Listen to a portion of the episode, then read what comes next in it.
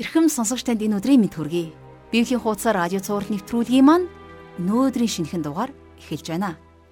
Тэгэхээр өнгөрсөн хичээлээр бид хамтдаа юу сурсан бэ гэхээр Мелхизедекийн тухай хамтдаа ярилцаж судалсан байгаа. Тэрхүү нууцлаг хаан дахилж үнэндээ Есүс Христийн ирээдүйн илэрхийлэл байсан гэдгийг үзсэн. Монголчууд бид хааны алба халаатай, эзний алба ээлжтэй гэж ярьдаг шүү дээ. Харин энэ үг Есүс Христийн хувьд үнэхээр нөлөөлөхгүй бас үйлчлэхгүй байгааг бид өнгөрсөн хичээлээр баталсан. Эхлэл ном бол бүхний эхлэлд бичигдсэн ном гэдгээрээ маш алдартай. Итгэлийн эхлэл, ам амьдралын эхлэл, ертөнцийн үүсэл эхлэл, хүмүүний ам амьдрал хөгжил дэвшил, уналт дөрөөлтлын эхлэлийг өгүүлсэн түүхэн ном. Харин Мелхизедек бол энэ гайхамшигтай үүд хаалга болсон гэдгийг бид өнгөрсөн хичээлээр суралцсан. Өнөөдөр ч гэсэн энэ талаар бид үргэлжлүүлэн суралцаж ярилцах болно. Бидний хамтдаа өнөөдрийн судлах хэсэг бол Еврей номын 5 дугаар бүлгийн 7-оос 14 дугаар эшлэл байх болно. Ингээд хичээлээ эзэн бурхан даатхан хамтдаа залбирцгаая.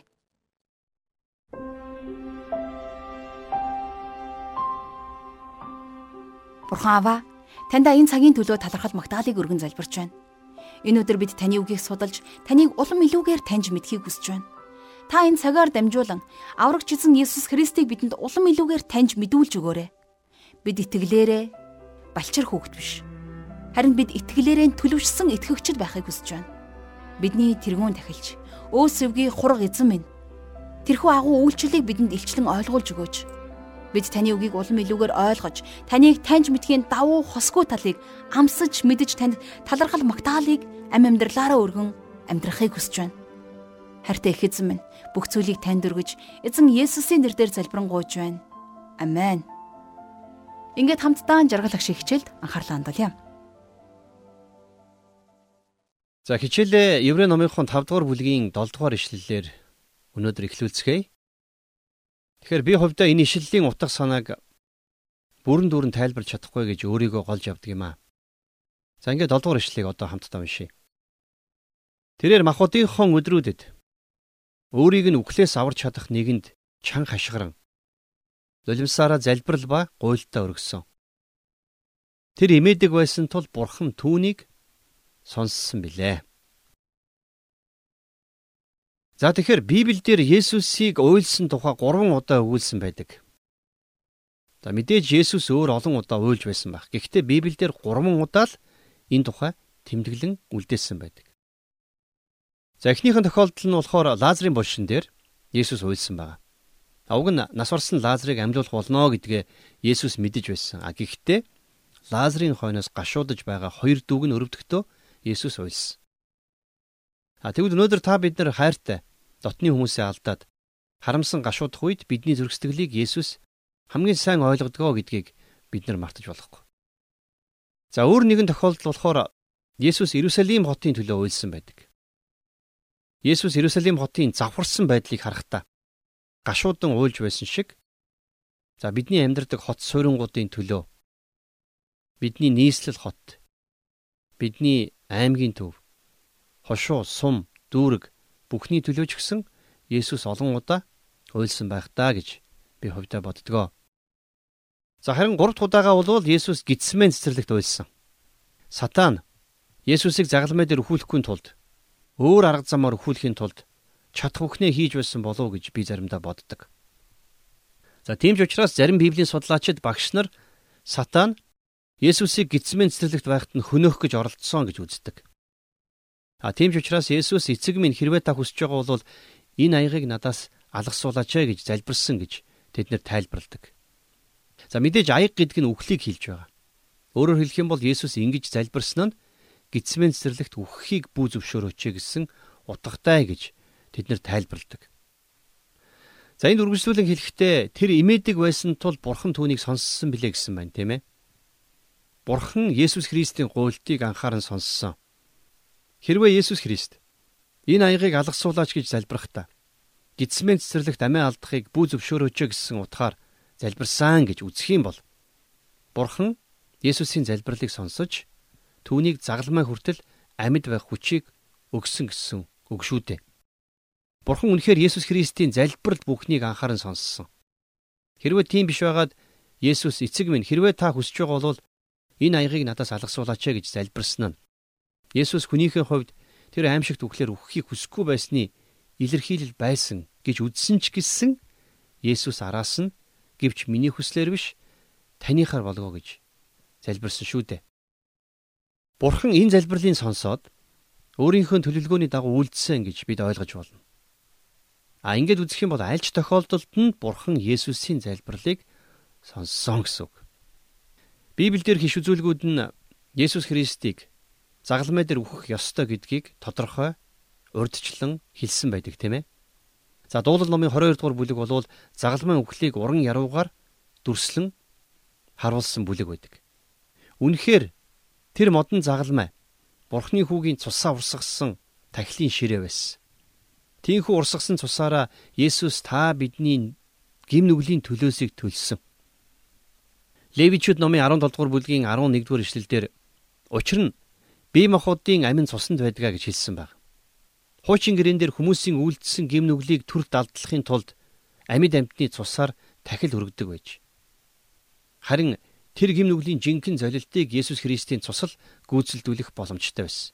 Тийм ч учраас Леви номын 17-гийн 11-р ишлэлдэр үргэлжлүүлэн хэлэхдээ түүнийг би тахилын ширээнд зориулан амийг чинь эвдрүүлэлийг хийхээр та нарт өгсөн юм а гэж бичсэн байна. Есүс Христ та бидний төлөө загалмай дээр цусаа урсгасан. Тэгэхээр загалмай бол бидний хувьд тахилын ширээ байсан. Иохны 3-ын 14 дугаар ишлэлдэр эзэн Есүс Никодим гэгч хүнд Мосе цөлд тэр могойг өргөсөн шиг хүний хүүч бас өргөгдөх учиртай гэж хэлж байсан. Есүс Христ гидсмэнсэрлэгт тэр их сэтгэлийн дарамтнаас болоод үхэж мэдхээр байлаа. Энийг нь гэрчлэх мэд түүнийг залбирах үед хөлсөн цусан тусал мэт улаан өнгөтэй болсон байсан. Энэ бол Есүсийг мэдрэлийн асар их дарамтанд ор байсан гэдгийг илэрхийлж байгаа шинж тэмдэг. Үнэхээр Есүс гитсмэнд үхэж мэдхэр байсан. А гэхдээ тэр заавал загалмай дээр амиа өгөх ёстой байсан. Есүс загалмайд хадагдхаасаа өмнө өвчгүй тулд Бурханаас залбирэн гуйж байлаа. Харин Бурхан эцэг нь Есүсийн залбирлыг сонссон учраас Есүс загалмай хүртэл амьд байж чадсан. За дараагаар нь тэр имээдэг байсан тул Бурхан түүнийг сонссон билээ гэж. Энд гарч байгаачлан итгэгчид бид нар ч гэсэн бас Бурханаас имэж амьдрах ёстой. Ягд үг гэвэл эзнээс имээхгүй мэрэгэн ухааны эхлэл гэж Библиэлд байдаг. Есүс Христ бас Бурханаас имээдэг нэгэн байсан юм шүү. За 8-9 дугаар ишлэлдэр тэрээр хүүн байсан хэрн зовсон зүйлсээсээ дуулуурт суралцсан. Тэр төгс болгогдсноороо өөрт нь дуулууртай байдаг бүхэнд мөнх авралын их үндэс нь болсон гэж бичсэн байна. За тэр төгс болгогдсноороо гэж хэлснээрээ түүнийг төгс байгаагүй гэсэн утга санаа бишээ. Харин энэ нь бүрэн гүйцэд болох гэсэн санааг агуулж байгаа. Өөрөөр хэлэх юм бол Есүс бидний төлөө авралыг төгс гүйцэлдүүлэх боломжтой болсон гэдэг санаа шүү. Есүс Христ үнэхээр энд бичигдсэнчлэн та бидний хувьд мөнх авралын их үндэс болсон.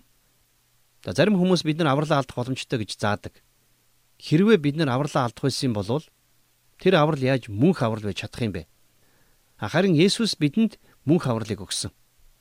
Энэ авралыг авсан хүн мөнхөд авралаа хадгална. Юу ч тэрний авралыг булаахгүй. Тэгэхээр энд Есүсийн авралын тухай өгүүлэхтэй өөрт нь дуулууртай байдаг бүхэнд гэж онцлсан байгаа биз? За дуулууртай байдал гэж яг юу вэ? Хүмүүс Есүсээс бид Бурхны ажлыг гүйцэтгэхийн тулд юу хийх вэ гэж асуусан байдаг. Харин Есүс тэднэрт та нар түүний илгээс нэгэнд итгэх нь Бурхны ажил мөн гэж хариулсан байдаг шүү дээ. Та Бурхныг дуулууртай дагахыг хүсэж байна уу? Тэгвэл Есүст итэг. Есүс ингэж л хэлсэн. А гэхдээ энэ ишлэл дээр нэг баг зэрэг ойлгомжгүй зүйл байгаа. Энд хэлэхдээ тэрээр хүүн байсан хэрн зовсон зүйлсээсээ дуулуурт суралцсан гэсэн байна, тийм ээ. За яг үнийг хэлэх юм бол би хувьдаа энэ өгүүлбэрийн утга санааг сайн ойлгохгүй байгаа. Яагаад бурхны хүү зовлонгоор дамжуулан дуулуурт суралцах ёстой байсан юм болоо? Яагаад тэр аль хэдийн төгс бүрэн гүйцэд байсан хэрнээ дахиад бүрэн гүйцэд болох ёстой байсан юм болоо. За яг нэг үг хэлэх юм бол энэ асуултын хариултыг би мэдэхгүй. За яг энэ ишлэлийг тайлбарлсан олон янзын тайлбарууд байдаг л да. Гэхдээ тэр тайлбаруудын нэг нь ч миний сэтгэлд нэг их хүрдэггүй. За тийм учраас би энэ ишлэлийг хувьдаа Бурхны агуу нууцуудын нэг гэж бодож байна. Ингээд цаг нь ирэхэд Бурхан биднэрт өөрөө энэ нууцаа илчилж өгөх баха. Эзэн Есүс энэ дэлхий дээр хүн болон эрэхтэй Хүн гэдэг утгаараа Бурхныг дуулууртаа дагсан. Есүс өөрөө хэлэхдээ би эцгийнхээ хүслийг гүйцэлдүүлэхийн тулд ирсэн гэж хэлсэн тийм ээ. А тэгээд хожим нь Паул Есүсийн тухай хэлэхдээ харин өөрийгөө юучгүй болгон боолын дүрийг авч хүнтэй адил болсон. Хүн төрхийг олсон тэрээр өөрийгөө мөхөс болгож үхэлд загалмайн үхэлд хүртэл дуулууртай байваа гэсэн байдаг. Есүс Христ үхэлд хүртэл үнэхээр дуулууртай байсан. Харин жишээ нь би хувьдаа бол үхэл хүртэл дуулууртай байж чадахгүй баха. Би л үхэхээс айж байна.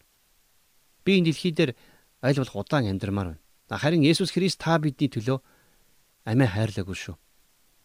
Энэхүү амь хайргүй зовлон дундаа Есүс Христийг дуулууртай байдалд суралцсан гэж энэ хэлсэн байна.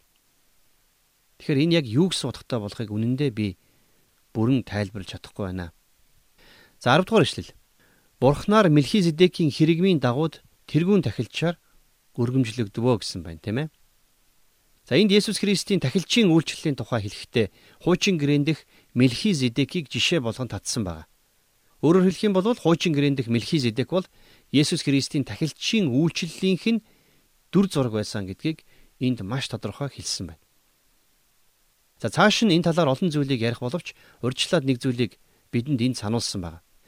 За дараагийн ишлэлээс харах юм бол Еврей номыг бичигч бидэнд итгэгч хүмүүст хатуу чихтэй болох аюул нүрэлдэг шүү гэдгийг сануулж байгаа. Дараагийн бүлэг дээр бичээч маань Есүс Христийг Мелхизедекийн хэрэгмийн дагуух бидний тэрүүн тахилч мөн гэдгийг өгүүлэх болно. А гэхдээ энээсээ өмнө бидэнд нэгэн чухал сэрэмжлүүлгийг өгсөн байна. 11 дугаар эшлэлдэр энэ талаар ярих зүйл бидэнд их байна. Харин та нар хатуу чихтэй болсон тул тайлбарлахад бэрх байна гэсэн байна тийм ээ. За яагаад бэрх байна гэж?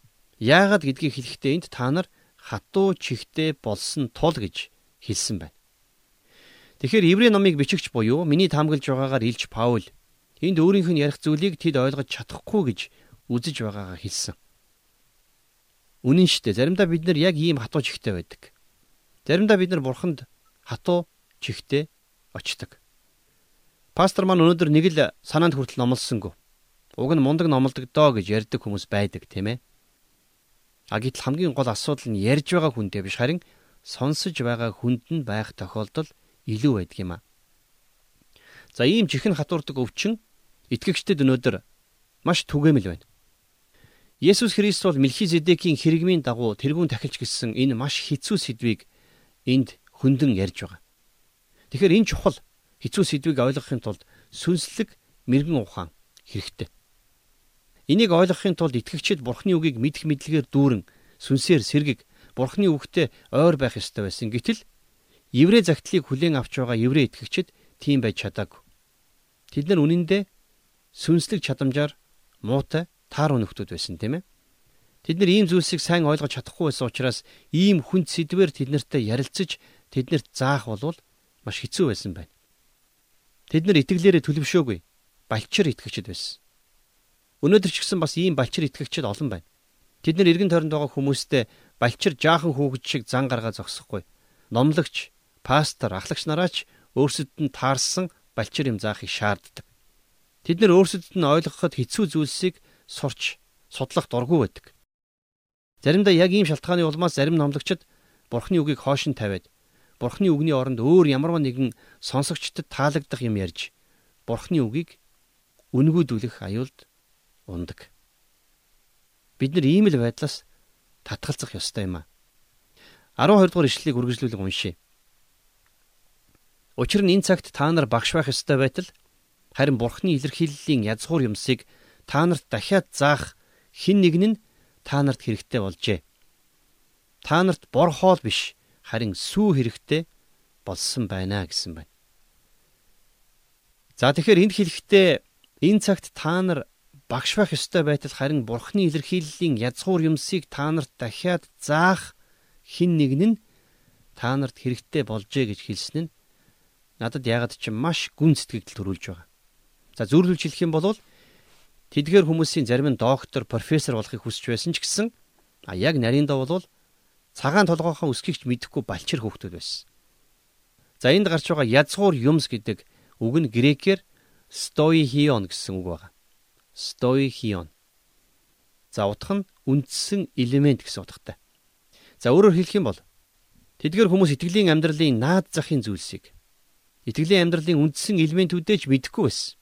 Тэд нар өөрсдөө итгэлийн амьдралыг зааж байх ёстой хүмүүс байтал өөрсдөө итгэлийн амьдралдаа балчир хүүхдүүд шиг байж үргэлж хин нэгнэр угжуулж байх шаардлагатай болоод нялхарцсан байсан. Өнөөдөр бидний цуглаан дээр ийм итгэгчд байгаа. Годомчинд анзааралгүй зөрөөд явчих бол дараа надтай мэдлдэггүй гэж гомдолдог. Тэр хүний номлол надад таалагддаг. Тэр хүний номлол надад таалагддаггүй. Энэ хүн гой магтдаг. Энэ хүн магтаж чаддаггүй гэх мэтчлэн. Дандаа жижиг сажиг зүйлээр оролдож явдаг. Ийм юм ярьж явдаг балчир итгэгчид маш олон байна. Тэдний хувьд өөрсдийнхөө дуртай сүүгэл гож бусдаар амандаа угж угжуулж байхгүй болвол өөр бусад зүйл таалагддаг.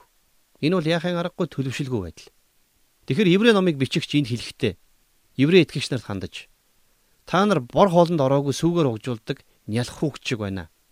Та нар итгэлээрээ өсч төлөвшөөгүй байна гэж зэмлсэн байна. За та нэг зүйл бодоод үзээрэй. Жаахан хүүхэд сүү ууж чаддаг ч гэсэн бор хоол идэж чаддаггүй.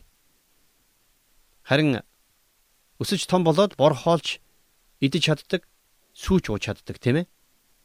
Өнөөдөр харамсалтай нь маш олон төлөвшсөн бор хоолнд орчихсон итгэгчдэд энэ дээрээс бор хоолыг биш харин сүг өгч байна. За яг тэд нэр сүгээр хоол чадна гэхдээ тэдэнд бор хоол хэрэгтэй гэдгийг санах хэрэгтэй. За үргэлжлүүлээд 13 дугаар эшлэл дээр сүгээр амьдрагч бүрэн зөвхт байдлын үгэнд гаршаагүй байдаг. Яагад гэвэл тэр балчир ажээ.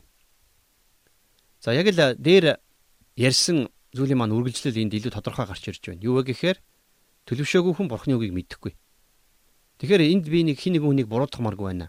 А гэхдээ би үннийг хэлье. Хэрвээ та бурхны үгнээс ангид байгаа бол та балчир. Яагад гэвэл бурхны үгнээс ангид итгэлийн өсөлт байдаггүй юм. Та чуулган дээр маш идэвхтэй үйлчлдэг байж болно. Та чуулганыхаа бүтэн цагийн ажилчин болсон ч болно. За тэр швэтгийл та чуулганыхаа удирдах зөвлөлийн гишүүн болсон ч байж магадгүй.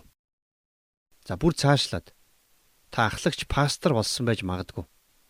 Тэгэхээр таны юу хийдэг, яаж үйлчлдэг чинь огт хамаагүй.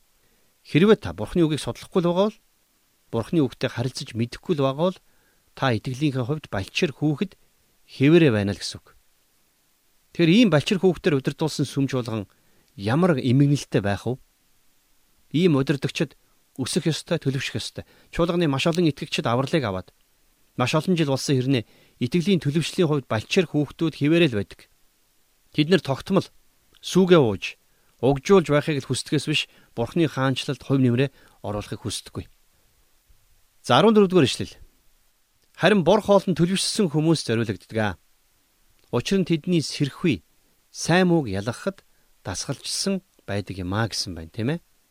За тэгэхээр энэ дэр би Коринтотойхонд бичсэн 1-р захидлын 3-ын 1-ээс 2 дугаар ишлэгийг иш татъя. Паул ингэж бичсэн байна. Ах トゥ нараа Би та нартай сүнслэг хүмүүстэй мэтэр ярьж ис чадлаа. Харин махбодын хүнтэй Христ доторх балчир хүүхэдтэй ярих мэт ярьсан. Би та нарт бор хоол бус сүг өгсөн нь тэгэхэд та нар чадваргүй байсных. Одоо ч гэсэн та нар чадваргүй байгаа нь махбодынхон дагуу байсаар байгаагийнх юмаа гэсэн байна тийм ээ. За мөн Петр өөрийнхөө бичсэн анх дугаар захидлын 2 дугаар бүлгийн 1-ээс 2 дугаар эшлэлдэр тиймээс та нар бүхэл ус хонзон залим их хоёр нүур атаж өтөө болон гүтгэлэг бүхнийг хайж үгийн цэвэр сүг нялх хүүхдүүд адил хүсэн тэмүүлээ. Ингэснээр та нар үүгээр авралд хүртлээ өсөх юмаа гэсэн байдаг.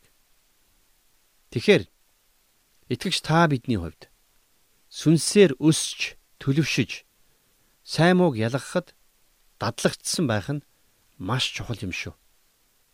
Энэ л утгаараа бид нар өдөр бүр эзний үгийг судлан өөрийнхөө сүнсийг тижиж сүүгэр биш харин бор хоолтон итгэгчд болон төлөвшөх ёстой юм а. Эзэн бурхан таныг ивэж ерөх болтугай. Тэгэхээр өнөөдрийн хичээл тун сонирхолтой байлаа. Хичээл маань өндөрлөхөд цөөн хідэн хором үлдээд байна. Үнэхээр багшийн эрдэм шавд гэдэг үгийг санах бүрд сайн багшаараа заалгаж байсан тэр эрдэм нэтлэг бидний зөвхөн тарих толгойд биш бидний зүрх сэтгэлд ам амьдралд үлдсэн байдгийг санаж сайн багшаараа үргэлж талархдаг. Тэгэхээр Библийн хуудас радио хичээлч гисэн жаргал агшийн маань өдөр болгон бидэнд зааж тайлбарлаж байгаа эдгээр Библийн ном ишлэлүүд болгон бидний зөвхөн тарих толгоонд их мэдлэг болоод өнгөрөх ш. Харин бидний ам амьдралыг засч, зааж, зааварлаж, чиглүүлсэн. Бидний ам амьдралын сайн багш болох Есүс Христийг улам илүү санагдуулж, түүнийг бидний амьдралд хоногшуулж, мөн түүнийг даган дуурайх тэр сэдлийг өгөх онцгой гайхамшигтай үйлчлэл байгаасаа гэж нэвтрүүлгийн энэхүү үйлчлэлийн багийн зүгээс үргэлж хүсэн залбирдгаа нуух юм. Харамсалтай нь Коринт хотынхны хувьд Паул сайн багш байсан ч харин сайн багшийн эрдэм шавд хангалттай сайнаар үлдээгүй нь харамсалтай. Тэрээр 18 сар орчим тэнд байж өдөр болгон 11-ээс 16 цагийн хооронд тогтмол Бурхны бичээсийг тайлбарлан сургуулийн төвшөнд, академик төвшөнд Библийн теологийн хичээлийг зааж тайлбарлаж байсан. Тэгэхээр сонсогч та Библийн хуудасаар нэвтрүүлгээр суралцсан олон зүйлээсээ хэр ихийг санаж, тунгааж хэрэгжүүлсэн гэдгээ энэ цаг мөчид тунгаан бодоорой. Таныг итгэлийн сайн үржимстэй амьдралаар амьдарч өөрийн эргэн тойрондоо ивэл юрүүл болоосаа гэсэндэ энэхүү үйлчлэл маань радио долгионоор дамжуулан танд хүрч байгаа. Ивэлийг зөвхөн та өөрөө ганцхан өвөрлөө зогсох биш. Харин сүм чуулгандаа, сим бүлэгтээ, гэр бүлдээ, ажлынхаа хамт олон бусадтай та үргэлж хуваалцаж амьдраарай. Хамтдаа эзэнд талархлыг өргөн залбирая.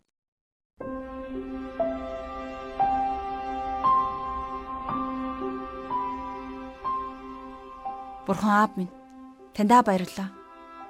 Үнэхээр өнөөдрийн үгээр сурсанчлан бид таны өмнө итгэлээрээ балчир байхаас та биднийг хамгаалж өгөөрэй. Бид үргэлж нэлэх нээлцраа хүүхэд шиг сүүгээр боож өчөд байхыг хүсэхгүй байна.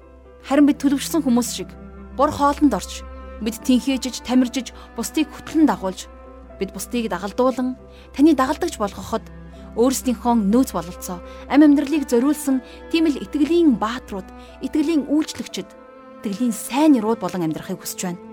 Мөнхийн эзэн минь биднийг та залхуу хойрог байдлаас хамгаалж өгөөрэй. Бид тантай харилцах харилцаагаа улам илүү гүнзгийрүүлж таны өмнө итгэлээрээ бат зогссон. Есүс Христтэй итгэлээрээ үргэлж хамт алхсан, төлөвшсөн итгэж болоход та бидэнд туслаарай. Та биднийг аливаа сайн мууг ялгахад тасгалжуулж, бидний амьдралаар дамжуулан мөнхийн эзэн минь та өөрийнхөө нэрийг алдаршуулж өгөөрэй. Өдөр болгон бидний алхам тутамд та биднийг ариун сүнсээрээ удирдаарай бүх зүйлийг танд өргөж эзэн Есүсийн нэрээр залбирanгуйж байна. Амен.